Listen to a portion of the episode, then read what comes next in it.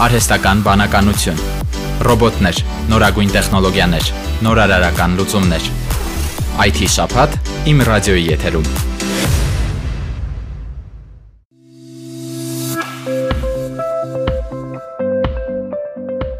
Հայ պատանիներն ու երիտասարդները շատ շուտով հնարավորություն կունենան մասնագիտանալ դրոնների եւ ռոբոտների արտադրության ոլորտում։ Ստարտափ Armenia հիմնադրամը չինական DJI դրոնաշինական ընկերության հետ համագործակցություն է սկսել կրթական նորագույն լուծումները Հայաստանում ներդնելու նպատակով։ DJI ընկերությունն իրացնում է համաշխարհային կոմերցիոն անօթաչու թռչող սարքերի վաճառքի շուրջ 70%-ը։ Սպառողական դրոններից բացի DJI-ը մշակել է նաև հատուկ STEAM համակարգի վրա ստեղծված կրթական ծրագրեր, որոնք հիմնված են իր իսկ հատուկ մշակված դրոնների եւ ռոբոտների վրա։ Նախնական բանակցությունների արդյունքում Startup Armenia հիմնադրամի ստեղծած նոր ընկերությունը Respond դարձավ DigiSteam-ի պաշտոնական ներկայացուցիչը Հայաստանում։ Հիմնադրամի տնօրեն Արսեն Հարությունյանը նշում է, որ DJI-ի հետ բանակցությունները դեռևս 2020 թվականի մարտից էին սկսել։ Որոշակի ներդրումների շնորհիվ արդեն ձեռք են բերել DJI Steam կրթական ծրագրերի մի մասը, որոնք օգտագործում են աշխարհի առաջատար տեխնոլոգիական համալսարաններում։ DJI-ը, որը հանդիսանում աշխարհի առաջատար դրոն արտադրող ընկերությունը, ունի նաև կրթական դրոններ, որոնց միջոցով երեխաները, պատանիները հնարավորություն են ունենում սովորելու այն կոդերը, ֆունկցիաները, որոնց միջոցով դրոնին կարող ես կառավարել ու նաև ռոբոտներին։ Ու իրանց բանակցությունները բավական բարեհաջող անցավ։ DJI-ը ունի 3 կրթական դրոններ ու ռոբոտներ, որոնց մասով մշակել է կրթական ծրագրեր, իսկ այդ կրթական ծրագրերը պատվիրել է Ավստրալիայի Սիդնեի համալսարանին ու Հոնկոնգի պետական համալսարանին ու իրենք համատեղ կրթական ծրագրեր են ստեղծել դրոնների համար, որը մի շարք երկրներում օգտագործվում է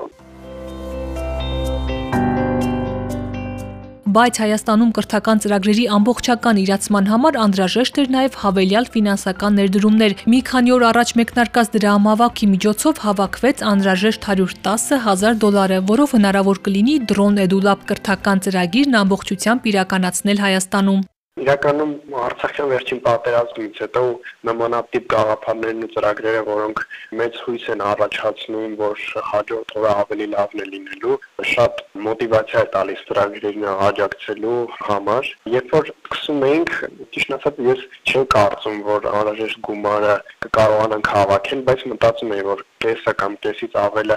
կհավաքենք ու կփորձենք մնացած մասը ինչ որ այլ տեղերից ներգրավել կամ փորձել մենք ինքներս ինչ որ ձև դնել, բայց մոտ 2000 մարդ donate արեց, այսինքն նվիրաբերություն արեց, էջում մոտ 41300 հոգի հրավեր ստացել, այսինքն կարծես համա հայկական դրամահավաք լիներ, ինչի համար խորին շնորհակալություն եմ հայտնում բոլոր մարդկանց։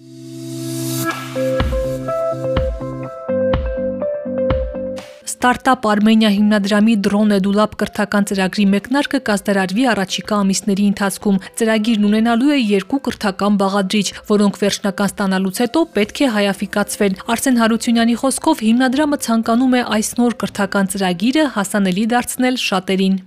երկու կրթական ծրագրեր են առաջին մասը 2-ից 3 ամսվա երևի թե կլինի վերջնական դեռ չենք ստացել կրթական ծրագրերը այս դրամահավաքից հետո արդեն ոնց որ դրա հնարավորությունը կունենանք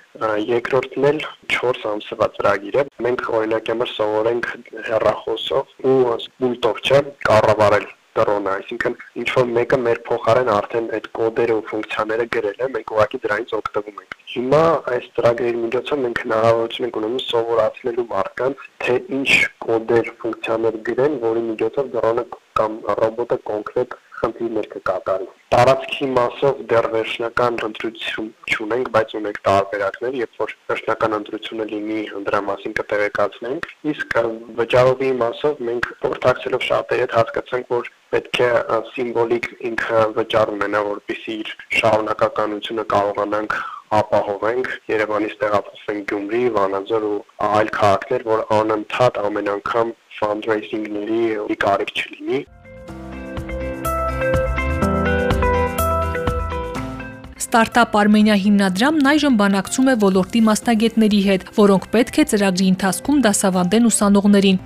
Արսեն Հարությունյանի խոսքով այս կրթական ծրագրի նպատակը մեկն է՝ Հայաստանը դարձնել առաջատար երկիր դրոնների եւ ռոբոտների արտադրության ոլորտում։